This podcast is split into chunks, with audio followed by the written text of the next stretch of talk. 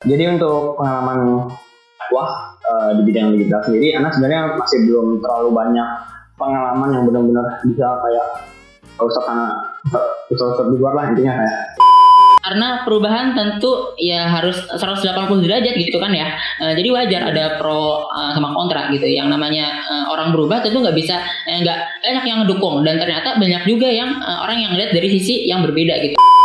Naik gitu ini ini pokoknya malam ini harus jadi gitu oh kebut semalam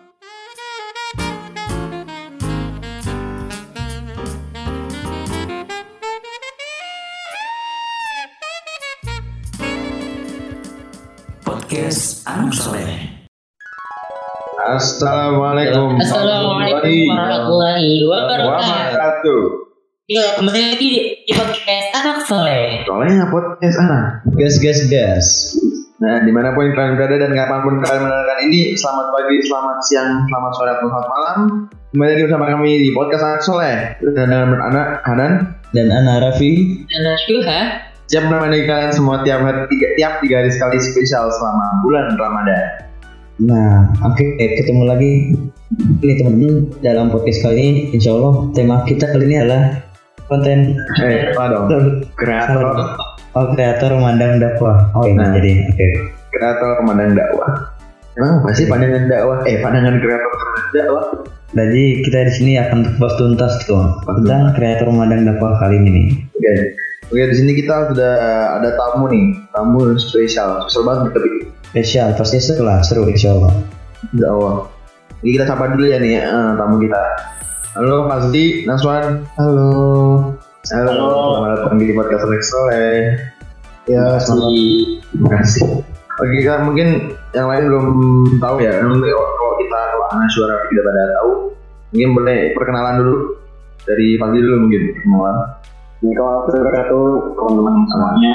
Uh, namanya Anwar Fazli, dia panggil uh, sama teman-teman podcast ini Fazli uh, sebagai salah satu desainer aktif di Hey, uh, itu namanya. Wow, insya Allah. Oke, lanjut ke Naswan. Oke, uh, Assalamualaikum warahmatullahi wabarakatuh.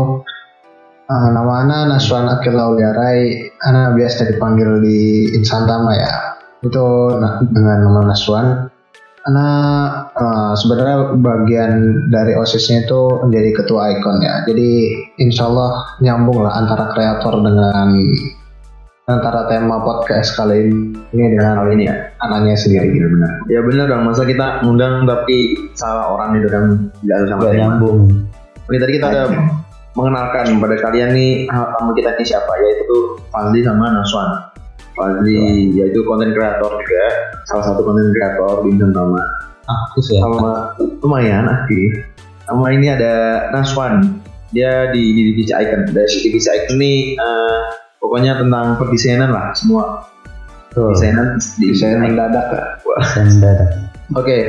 Oke, okay, kita selanjutnya mau bahas apa? Nah, tadi eh, setelah perkenalan nih, kita masuk ke pengalaman nih. Pengalaman para tamu-tamu kita eh, berkecimpung dalam dunia dakwah digital. Nah, jadi buat tamu-tamu nah, tentang nah, itu iya kayak ya. pengalaman tuh di dunia dakwah digital itu gimana? Ada susahnya kah? Ada serunya? Serunya gimana? Nah boleh diceritain ini ke teman-teman. Oke dari Fadil dulu deh, gimana? Jadi untuk pengalaman wah uh, di bidang digital sendiri, anak sebenarnya masih belum terlalu banyak pengalaman yang benar-benar bisa kayak kalau usah karena usah di luar lah intinya kayak apa pendakwah digital di luar sana. Iya. Yeah. Uh, tapi dengan adanya tugas-tugas sekolah, gitu kan tugas-tugas sekolah, ataupun dari OSIS sendiri gitu kan yang masih kerjaan karena untuk oh jadi ini desain desain uh, quote quotes dari disadis atau yeah. kasih dalil seperti itu itu alhamdulillah ya Anda mulai tergerak aja gitu untuk kami uh, sekaligus membantu uh, perkembangan khususnya di bidang desain gratis gitu mantap mantap apa tuh kalau misalkan seberapa seringnya kalau misalnya ditanya seberapa sering anda bikin tuh poster atau video di videografi? Kalau misalnya untuk produk desain itu sendiri, Ana masih lebih sering di desain grafis di bagian poster, yeah. logo gitu kan. Jadi Ana masih bentuknya dua dua dimensi lah. kalau untuk tapi masih enggak masih belum jagoan kan kalau di Instagram juga banyak ini ya lomba-lomba tentang desain grafis itu pernah nggak juara atau menang benar ah pernah alhamdulillah pernah yang pas itu kebetulan Ana bukan jadi panitia di sana jadi panitia ya. Jadi nggak bisa ikut lombanya. Nah pasti karena tidak tidak ikut jadi panitia sehingga Ana bisa join. Karena Ana coba itu buat ikut ikutan uh, lomba poster di Semarang. Di Quran. Kebetulan barusan tadi diumum umumkan. Kita ikut lomba poster.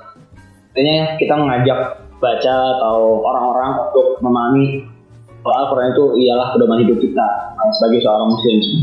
Sehingga Ana poster itu sebenarnya Ana masih coba style baru sih. Soalnya kan Ana melihat ada ada style baru yang belum Ana coba belum Ana Namanya apa? Ana pakai.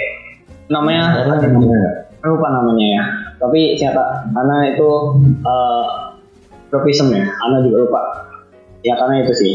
Nah itu Ana coba Ana buat uh, alhamdulillah juara tiga walaupun bukan yang terbaik tapi alhamdulillah Ana masuk yang satu yang terbaik Hmm. Alhamdulillah. Alhamdulillah. Terus gimana lanjut salah satu yang terbaik ya iya dong oke Ya. Oke. Lanjut ke narsum kamu kita selanjutnya. Nasuhan, Oke, nasuhan. Selanjutnya akan Gimana nih Wan? diisi. Oke, dari Ana ya. Kalau pengalaman soal berkecimpung di dunia desain dakwah, dakwah me- dakwah digital. Sebenarnya Ana belum lama juga ya menyemplung di dunia dakwah desain itu.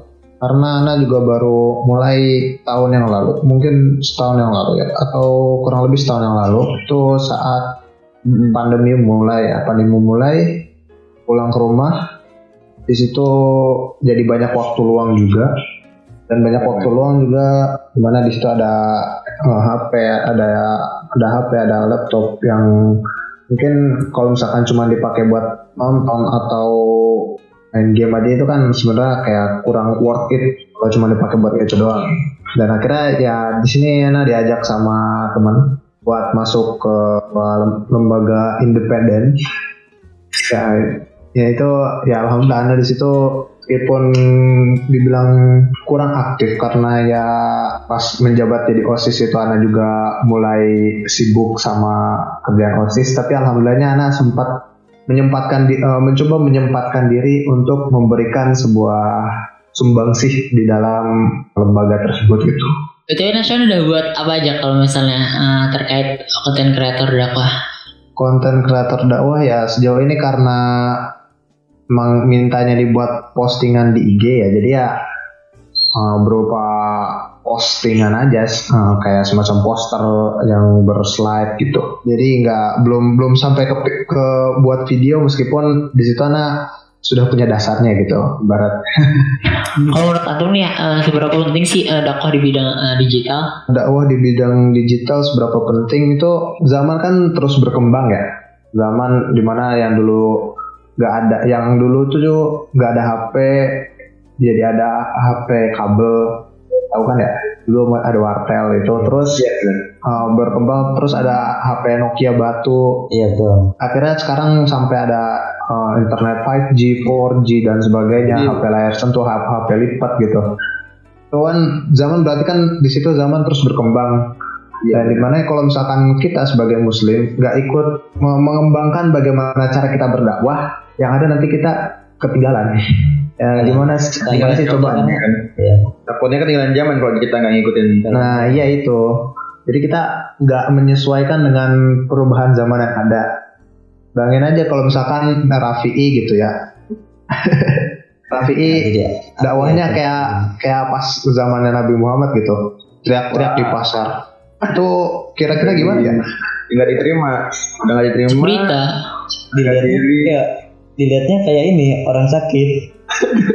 nggak Langsung nggak- langsung dibawa ke rumah sakit itu. Iya sih. Benar. Ya, jadi benar. penting harus penting banget soalnya kita harus ngikutin zaman sekarang Iya, jadi yang namanya sebuah teknologi atau itu kan eh, itu bersifatnya mubah ya. Yang nggak sih, Iya. Iya. ya kan itu jadi gimana kita cara memanfaatkan teknologi itu supaya bisa menghasilkan sesuatu yang baik kita menghasilkan sesuatu yang bisa bermanfaat bagi orang banyak Wah, mantap Oh itu pandangan seberapa penting ah, tadi apa ya dakwah digital ya. Iya. Kalau dari Fazli gimana nih? Tadi kan dari dari Naswan, dari Fazli gimana? Seberapa penting sih dakwah digital buat kita nih? Kalau menurut aku yang penting itu dakwahnya, bukan digitalnya ya. Eh, untuk dakwah digital itu sendiri kan salah satu sarana. Dan kalau misalnya ditanya seberapa penting ya penting. Seperti kata Mas tadi itu kan salah satu pemanfaatan teknologi. Nah, dengan seiringnya berkembangnya waktu, berkembangnya zaman, teknologi itu pasti makin berkembang dan penggunanya pasti makin banyak. Nah, sehingga eh, desain grafis ini atau dakwah digital ini eh, bisa menjadi salah satu jalan di mana kita ya sarana itu sarana untuk menyebarkan Islam gitu itu eh, apa Islam yang sebenarnya sendiri kasih tahu Islam ke orang-orang kita, kita ingatkan teman-teman Muslim kita kita ajak teman-teman di sana untuk sadar akan Islam seperti Iya. Nah iya sih. Kita kan di sebagai setiap muslim kan wajib berdakwah ya. Jadi Iya, benar. yang penting tuh dakwahnya. Digital hanya sebagai sarana yang, Cara untuk yang bisa menyesuaikan zaman sekarang. Betul. Karena emang sih eh, muslim tuh harus apa ya saling mengingatkan gitu, mengamal ma'ruf nahi mungkar. Karena apa sih? karena wajib jadi sebelum eh, bahas lebih lanjut ya terkait eh, konten uh, kreator dakwah gitu kan ya Eh, sebelum bahas eh, lebih lanjut eh, terkait itu sebenarnya tujuan dakwah itu apa sih gitu kan Eh, tujuan dakwah itu kan ngajak ya ngajak untuk berubah berubah karena apa ya berubah karena Allah bukan karena manusia dalam, dalam arti eh, pikiran baik ya pikiran baik ataupun pikiran buruk eh, netizen. Jadi hal pertama yang harus kita siapin ya eh, yang harus kita siapin sebelum hmm, lanjut ke konten kreator makin mental dulu gitu. Bagaimanapun komentar eh, netizen nantinya Iya, berusahalah untuk positive thinking gitu kan. Eh, kayak mana? Ya ya dengan kita memahami gitu bahwa oh orang ini belum hijrah belum tahu hidayahnya kayak apa belum ngerasain manisnya Islam sampai mana karena perubahan tentu ya harus 180 derajat gitu kan ya. Eh, jadi wajar ada pro eh, sama kontra gitu. Yang namanya eh, orang berubah tentu nggak bisa eh, nggak banyak yang ngedukung. Dan ternyata banyak juga yang eh, orang yang lihat dari sisi yang berbeda gitu. Jadi nggak bisa disalahin eh, berubahnya 180 derajat kaget lah. Iya benar sih. terus terkait ya eh, terkait karena kita berubah gitu kan respon netizen itu kan ya nggak eh, nggak banyak eh, nggak semua ngedukung gitu. Respon yang kita dapetin ya nggak hanya orang-orang yang eh, kita cuma abis itu bilang wah masya Allah udah berubah. Dan ingat sama Allah gitu kan. Enggak enggak semua kayak gitu. Eh, ya bahkan ketika berhijrah gitu kan ya berubah dari kondisi buruk eh, ke kondisi yang eh, lebih baik Eh, yang beliau dapetin ya eh, cacian gitu. Yang beliau dapetin eh, ya makian siksaan gitu kan. Mereka eh, nabi dan para sahabat mendapatkan ancaman-ancaman dan eh, ya ya lain-lain lah ini yang eh, mungkin kita dapetin ketika kita ingin berubah Tapi, tapi karena kita juga suka mikir ya, kenapa sih Allah kalau kita mau berubah malah ditambahin ujiannya? Itu gimana kalau kayak gitu? Bener sih kan karena apa ya Allah tuh bakal menguji kita gitu ya Iya. dengan apa ya ujian-ujian itu sebenarnya Allah uji sebagaimana kita mampu menghadapi sesuatu gitu ya. Jadi Allah uji dulu agar pahala kita eh, lebih gitu. Iya. Allah mau menguji seberapa kuat kita tuh bertahan menahan ya, bertahan betul. Jadi eh, eh, untuk eh, terkait berubah gitu ya, ada tentu ada resiko gitu kan, Eh, tentu ada resiko untuk menunjukkan eh, suatu perubahan itu. Dan eh, bila teman-teman kita gitu ya eh, udah takut untuk menunjukkan perubahan, maka sebenarnya yang eh, dari orang-orang yang berbuat jahat gitu kan adalah nggak ada perubahan yang muncul gitu. Jadi nggak ada perubahan yang diperlihatkan, eh, di eh, ya dilihatin gitu. Jadi kalau ada teman-teman yang udah takut nih untuk berubah, ya saat itu juga ya kejahatan, keburukan ya yang menang gitu. Jadi harus ada keberanian dulu nih. Iya. Kita harus ada mental disiapkan gitu ya sih Iya. Oke lanjut lagi ke tema kita konten kreator atau perdesainan duniawi nih. Kita sudah menyiapkan pertanyaan nih ya Pi ya. Tuh. Ya, udah nyiapin Nah, susah-susah Iya. dong. Ya enggak dong. Ini bukan. Tenang Kozli, bukan MTK. Iya bener sih. Betul. Kita makanya udah nyiapin apa question and answer ya. Iya benar. Q&A. Q&A. Oke, kita langsung masuk ke pertanyaan pertama ya. Oke. Nih, sejak kapan suka dunia perdesainan atau sejak kapan sih suka kayak bikin bikin konten atau Iya. ya desain lah pokoknya. Itu sejak kapan tuh dari Mas Faz dulu? Nah, kalau untuk suka desain sebenarnya dari SMP anak suka lihat lihat teman-teman uh, SMP anak tuh ngedesain tuh kok bagus-bagus gitu ya. Kalau teman SMP anak tuh kalau buat sekali buat desain tuh pas di print jadi bagus di setiap acara SMP gitu. Nah, terus kalau misalnya berkecimpung masuk ke dalam desain udah mulai nyoba desain itu pas anak SMA kelas 10 kebetulan ngeliat uh, logo, logo LKMA gitu kan kegiatan LKMA wah bagus bagus nih. Terus kebetulan teman-teman juga ada yang banyak yang uh, apa suka uh, desain juga sehingga anak bisa ngeliat gitu prosesnya kayak mana sih gitu. Nah, terus anak coba akhirnya anak coba uh, alhamdulillah anak punya dasar jadi pas SMP dulu anak diajarkan oleh uh, guru guru anak untuk pengoperasian Adobe Photoshop uh, dan Premiere Pro sehingga anak coba coba tuh apa namanya coba di editing video nggak nggak lama terus anak ngerasa kayaknya kurang cocok sama anak ya. anak mau uh, fokus ke desain dulu akhirnya anak coba ah, coba gitu coba di Photoshop lagi ya uh, anak perhatikan dasar-dasar desain grafis itu apa sih fundamentalnya apa aja gitu. akhirnya anak udah tentukan anak fokus ke bidang uh, logo desain gitu. Nah itu berarti uh, berawal dari melihat teman-teman yang kok pada bisa sih kok kok bisa sih kayak gini ya gitu kan ya. Jadi Iya. tergerak untuk Inspirasi. pengen. Ya. Terinspirasi, pengen. benar benar Oke kalau Naswan sendiri gimana nih? Dari kapan suka desain desain gini? Aduh, itu ceritanya panjang nan. Ntar Gak cukup nih ya, gak cukup di podcast. tuh nggak cukup. Iya. Ada sim ah, singkat aja singkat. Oh, singkat aja ya. Jadi uh, siapa sih yang kecilan nggak suka nonton film? Ada nggak? Oh iya ya bener-bener. Aduh, kalau dulu kan Tinchan gitu kan Naruto. Naruto. Uh, kalau dulu anak SD belum nonton Naruto. Oh, belum, belum ada. Belum. Anak nontonnya ini. Kalau nggak Kapten Subasa, atau Ben 10, Oh, Ben Bakugan, Ninja Hattori. Ninja Hattori, Ada Chakzon nggak? Chakzon, Chakzon. Capzone. Oh iya iya tahu tahu. Nah, itu yang kalau misalkan habis mandi enak banget nonton. Mau banget sekolah. Ya itu anak anak dulu anak dulu mungkin karena sering nonton ya, jadi anak juga pingin gambar karakter itu lah. Oh. Banyak ya karakter. Terutama di film Benten ya. Dulu itu film kesukaan anak. Terus ada pedal pop tau kan ya? Oh, pedal pop. oh iya benar benar pop Itu tiap kita Itu beli es krim. es krim, Es krim. Dapat- es krim, ya, Karena pasti pengen banget, tuh, pasti pengen ngumpulin. ada dulu punya sih satu di CD-nya gitu kan dapat oh, mantap sih CD terang dalam. Nah, Dia apa sih singkatan CD? Sini. Misteris ya? Gak ada yang tahu kan? ya. Oke. mungkin teman-teman Iya, teman-teman pada ada yang tahu mungkin Oh iya, boleh komen. boleh komen komen Terus gimana tuh Wan dari pedal pop tadi? Nah dari pedal pop tadi kan anak tuh sempat apa sih mogok sekolah gara-gara apa coba? Gara-gara anak tuh nggak digambarin karakter pedal pop ya. Siapa sih yang ininya tokoh utamanya? Eh, Pedal pop ya? iya iya pedal Yep. pop. Ya pedal pop namanya. Pedal pop ya, ya itu. Nah sempat mogok sekolah gara-gara itu. Nggak digambarin sama Abiana, kan Abiana jago gambar. Iya. Jadi Oh, berarti, Oh, berarti- menurun dari bapaknya. Berarti sudah teralir ya darah-darah. Benar. enggak, enggak. Ya itu. Terus yang sudah berat ini eh ya. Oh berarti terus ya lanjutannya inspirasi. Eh, ini kan inspirasi awalnya pas eh, pas SD belum belum terlalu tergambar kalau ternyata ada dunia desain gitu. Oh iya. Oh iya. Masih Terus, masih ya film aja film. Terus pas SMP anak ini eh, terinspirasi sama kakak kelas ya. Kan anak masuk SMP tuh langsung ke Insan Tama. Terus anak terinspirasi banget pas nonton film jenis seri Reborn. Ini yang angkatan 10 ke atas ya. Dari angkatan 10 98 pasti nonton lah. Oh iya berarti berarti kita masih kelas 7 ya?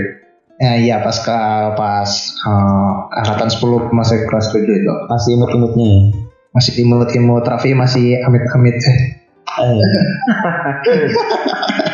Tapi privasiku keluar langsung terjaga. komedi. Wait. Iya. Oke terus Dari situ anak anak terinspirasi buat oh ternyata ada ada film sebagus ini loh. Di luar di luar film-film yang animasi-animasi gitu ada film dokumentasi yang bagus gitu kayak buat ang- angkatan seri gitu. Dan dari dari situ pikir mungkin eh, nanti nanti suatu hari nanti anak pas kelas 12 atau nantilah itu nanti anak bisa bikin hal yang setidaknya mirip kayak yang dibuat sama angkatan 5 sama angkatan seri itu itu anak mulai tertarik sama desain tapi sayangnya anak nggak punya device yang memadai gitu kalau dulu kan Kali.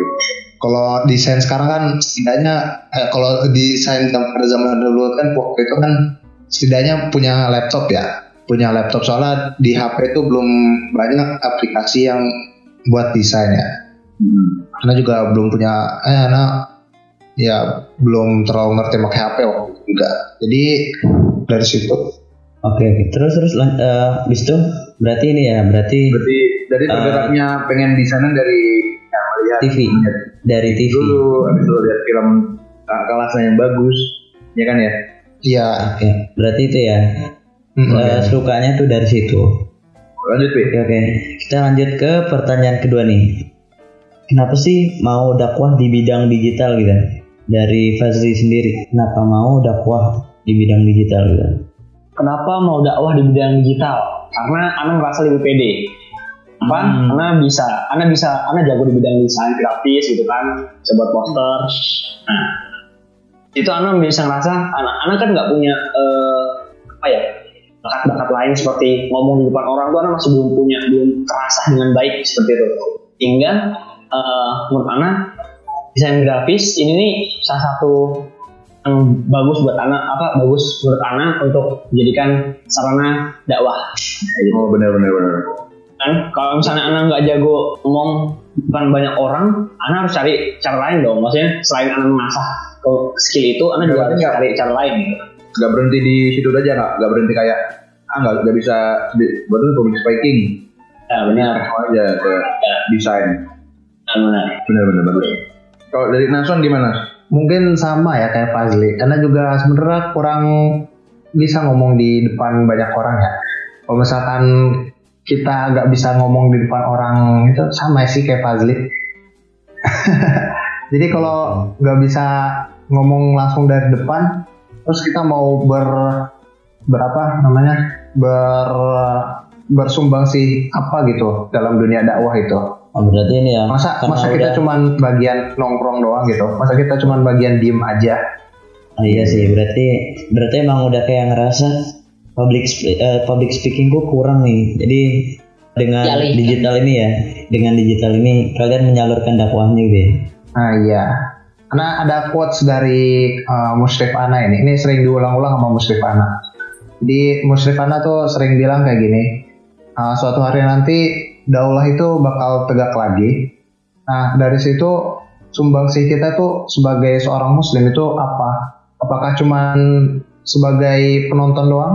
Atau uh, setidaknya memberikan sedikit sumbangsih yaitu berupa dakwah gitu. Yang setidaknya meskipun cuman uh, bisa dari selain ngomong di depan orang gitu. Setidaknya kan kita memberikan sumbangsih setidaknya kita memberikan sesuatu untuk uh, agar da- daulah itu bisa tegak kembali gitu Berarti mantap, mantap, mantap. Oke lanjut Oke, oke. Pertanyaan selanjutnya Syuk.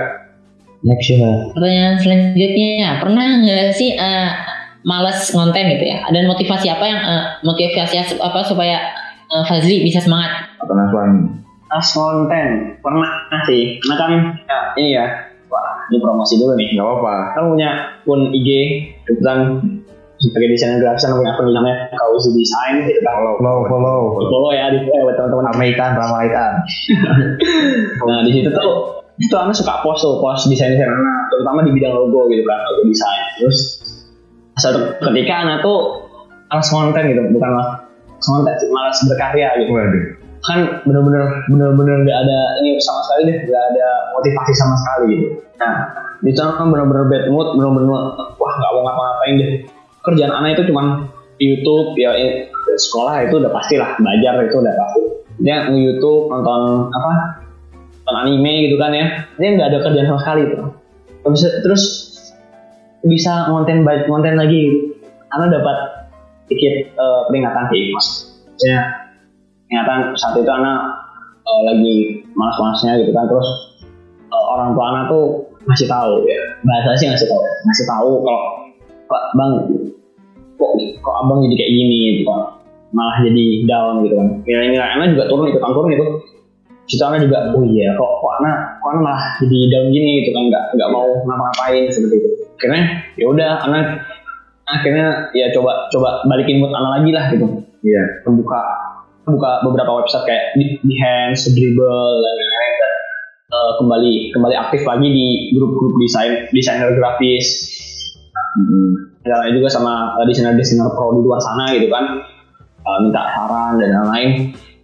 Karena ya udah anak anak coba mulai lagi. Kan- karena anak masih punya kesempatan untuk mulai lagi manfaatin tuh. Berarti semangatnya ini ya mencari referensi ya.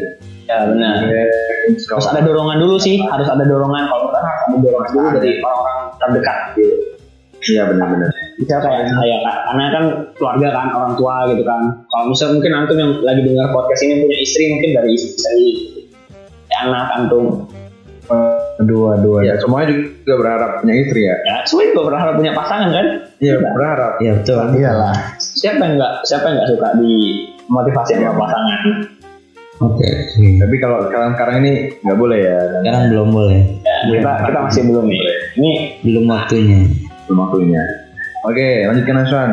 Pernah nggak malas-malasan jadinya tapi punya semangat lagi itu gara-gara apa? Kalau malas-malasan ya emang sifat asli manusia kan emang gimana ya? Emang Malas mah ada gitu kan ya? ya pasti ada lah. Jadi ya, karena juga ya itu lumayan ya sempat kena males ya. Dan gimana caranya biar bikin mood lagi itu Iya. Balikin moodnya gimana tuh? Mungkin apa dengan sesuatu sebuah apa ya mood boosternya tuh apa sih misalnya main game atau mungkin atau yang lain atau nonton TV mungkin bisa menjadi mood booster kah? ya menurut aneh itu bukan mood booster yang baik gitu. Oh, bukan. karena tiap Karena orang, ya- orang tuh tiap orang beda-beda ya mood Iya beda-beda. Beda-beda mood booster lah.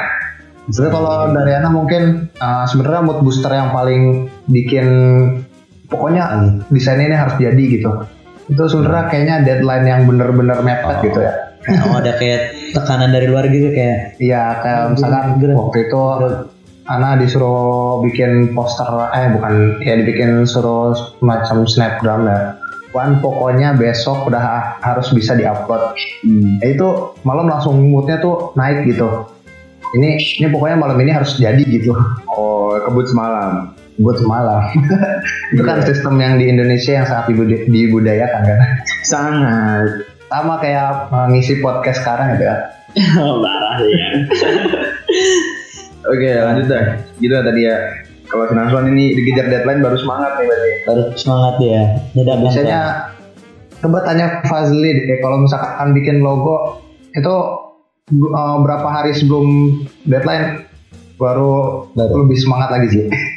karena justru gue itu kan nggak ini ya emang harus pure dari ide kita sendiri gitu kan. Nggak kayak poster dan lain-lain. Kalau logo itu anak biasanya udah dua minggu sebelum ini atau misal baru baru ini jadi ada ini mas ada uh, kerjaan gini gini gini nama perusahaan saya ini ini ini, ini gitu kan. Deskripsinya dan lain-lain kompetitor dan lain-lain. Nah di situ anak udah mulai coret-coret gitu kan. Anak udah mulai uh, cari-cari foto-fotonya kayak gitu kalau misalnya pengerjaan ya pekerjaan pasti anak hamin satu hamin dua itu pasti udah udah kerjain kalau misalnya untuk mikirin desainnya sendiri sejak lama anak ini soalnya logo itu rada susah teman-teman Ya. kalau misalnya plagiat kalau plagiat kan juga ini kan kayak Nah, keren. ini poster Oh, ya ini- kalau poster ya wajar lah anak juga kayak gitu lah Oh iya. Berarti menyesuaikan apa yang mau dikerjain lah ya. Mau Ya, benar. buat enggak. Oke, masuk ke pertanyaan terakhir nih. Siapa role model atau referensi saat berkonten? Siapa? Berarti kan mungkin ada akun yang bagus dibuat referensi berkonten atau gimana nih? Kok dari Fadli boleh ya? dulu ya nih ya Eh, kalau Ana eh, kalau untuk saat ini nggak ada ya maksudnya bukan nggak ada sih semua semua desainer grafis eh, Ana jadikan eh, bahan gitu kan Ana evaluasi Ana evaluasi Ana jadikan bahan eh, untuk buat branding Ana sendiri tapi kalau misalnya untuk dulu awal-awal di belajar desain grafis itu Ana suka banget eh, sama desain grafisnya si Bang Rio Purba. Rio Purba. ya, Rio Purba. Itu terkenal banget kan ya? Apalagi di dunia desain grafis gitu. Pasti siapa sih yang nggak tahu Rio Purba gitu? Iya. suka tuh lihat konten-kontennya dia kayak mengevaluasi kayak edukasinya. Dan dia mengatakan bahwa sebenarnya orang yang belajar eh, desain grafis eh, maksudnya nggak punya latar belakang desain apa sekolah desain grafis jadi kita bisa gitu loh jadi desainer grafis profesional aja bisa berarti ya. Jadi betul gratis profesional. ya terus akhirnya Ana mendalami ilmu desain dan akhirnya lama-lama kenalan tuh sama beberapa desainer kayak eh, Adekograf itu terus sama kak eh, siapa Ril Amri gitu ya, suka suka nanya-nanya gitu lah. Kalau sekarang Ana jadikan eh, beberapa orang-orang yang udah brandnya udah besar brandingnya udah besar Ana jadikan bahan evaluasi diri Ana aja sih. Nggak nggak bukan dijadiin patokan desainer lah kayak gini kayak gitu. Enggak. Oke, kalau dari Nasional, sendiri Gon, dari nasional. Kalau dari anak ini bukan ini kan ya apa kayak karena bukan kayak paling banyak menginspirasi gitu kan ya maksudnya? Ya sih yang paling banyak menginspirasi anak buat ya buat desain ya Iya, mengonten. Ada nggak? buat konten anak sih sejujurnya random ya. Random antara siapa aja ya bisa gitu. Uh, kalau misalkan di bagian poster ya kalau di bagian poster itu jujur ra- random banget. Kadang ambil uh, coba lihat dari sekolah lain atau misalkan dari postingan-postingan sebelumnya di remodel lagi ya mungkin kurang lebih kayak gitu doang gitu Ya berarti namanya bukan nggak plagiat ya? Namanya Iya, iya. ATM itu amati. Amati Amati. tiru Tiru modifikasi. Modifikasi. modifikasi. Tapi kalau misalkan anak ngeliatin siapa sih yang paling anak suka liatin ya apa sih desainnya yang bagus-bagus itu di Instagram itu ada namanya at graphic studio itu dia bikin logo ya logo buat branding itu bagus-bagus itu tapi anak kayaknya nggak ya, kurang suka di bagian buat ngedesain logo jadi mm, anak kurang mendalami di situ gitu Nah mungkin sekarang lagi mendalami lebih ke videografernya ya. Videografi. Videografi. Soalnya soalnya ini Infocom LKMA dapat dalam gawat darurat ya. Oke, jadi simpulannya dari podcast saya podcast ini apa aja nih, Syuk? Eh, simpulannya ya eh, mungkin karena ini ya. Jadi eh, konten ra- kreator itu ya bukan masalah lagi bukan lagi masalah keinginan. Jadi jadi eh, menjadi sebuah keharusan. Kenapa? Jadi bagaimanapun juga sepakat atau enggak gitu kan ya konten yang kita buat eh, akan benar-benar mempengaruhi akan benar-benar memberikan pengaruh kepada netizennya gitu. Berpengaruh ya sama dengan memberikan perubahan gitu kan. Berapa banyak orang yang eh, terpengaruh gegara konten yang orang-orang buat gitu. Maka hari ini eh, medsos gitu kan yang menjadi media yang eh, ramai gitu kan. Eh, terutama buat konten kreator dakwah. Artinya apa? Yang kita buat sesimpel apa pun sejelek seburik apa pun gitu kan ya Ya. akan eh, berpengaruh gitu ke banyak orang yang melihatnya. Tapi satu hal yang sering kali eh, kita lupa bahwa seseorang yang ingin menjadi apa pun itu ya langkah pertamanya gitu ya. Nah, rasain dulu yakin dulu bahwa kita emang layak gitu kan untuk menjadi konten kreator sebelum konten ya seharusnya kita percaya dulu dong bahwa eh, kita adalah seorang kreator gitu. Kenapa? Karena ketika kita percaya bahwa kita adalah seorang kreator eh, konten-konten kita akan eh, lebih maksimal gitu jadi eh, cukup putusin bahwa hari ini kita adalah eh, seorang konten kreator dakwah. Nah, mulai sekarang katakan ke diri sendiri bahwa Ana adalah seorang konten kreator dakwah. Karena feel dari eh, konten kreator gitu kan ya ngebangun percaya diri kita. Sementara percaya diri eh, sebagai konten kreator inilah yang eh, tentu eh, paling penting gitu ya. Percaya diri eh, berpengaruh kepada hasil konten kita. Mungkin itu aja. Oke, simpulan dari podcast itu udah tadi disampaikan oleh Syua. Bagus banget ya. Bagus. Mungkin di sini aja kita pertemuan kita di episode kelima. Eh, jadi eh, di mana pun kalian berada dan kapan pun kalian mendengarkan ini tetap menjaga 3M. Apa aja, Pi? Memakai masker, menjaga jarak, dan mencuci tangan. Ya, bener banget. Oke, sampai jumpa di episode-episode selanjutnya. Stay tune terus dan di sini Ana Hanan. Dan di sini Ana Raffi. Dan di sini Ana Syuha. Oke, pamit undur diri. Terima kasih juga buat teman-teman kita, Fadli dan Aswan. Ya, sama-sama teman-teman Terima kasih juga. Oke, sekian. Wabillahi taufiq hidayah. Wassalamualaikum warahmatullahi wabarakatuh.